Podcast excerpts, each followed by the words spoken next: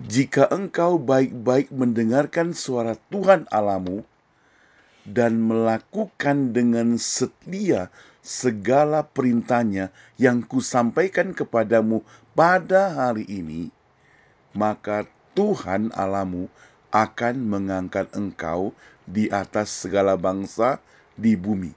Ulangan 28 ayat 1. Doa adalah berbicara kepada Tuhan. Isinya memuji Dia, bersyukur, dan meminta pertolongan. Doa juga merupakan komunikasi kita kepada Dia yang kita sebut dua arah. Kadang timbul salah kaprah, saudara, dalam hal berdoa. Ada orang percaya yang berdoa sepanjang hari dan terus-menerus tiada henti, bahkan dilanjutkan hingga malam subuh. Apakah hal ini keliru? Tentu tidak. Namun, yang menjadi masalah adalah orang ini hanya berdoa dan berdoa saja, sehingga komunikasinya bukan dua arah, tetapi satu arah. Tuhan seakan-akan tidak diberi kesempatan berbicara kepadanya, padahal orang tersebut membutuhkan jawaban dari Tuhan.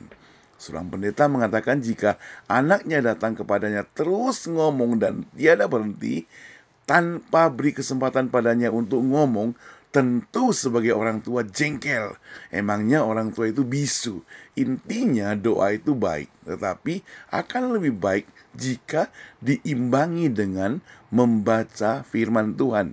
Dengan demikian, kita akan mendengar suara Tuhan yang sedang berbicara kepada kita melalui firman Tuhan yang kita baca. Nah, ayat yang kita baca di atas tadi mencatat bahwa sebenarnya kita dituntut bukan hanya membaca firman Tuhan, tapi mempraktekkannya di dalam kehidupan sehari-hari. Dengan demikian, kita harus mengaminkan apa yang ditulis oleh Yakobus yang berbunyi, iman tanpa perbuatan adalah mati. Yakobus 2 ayat 26.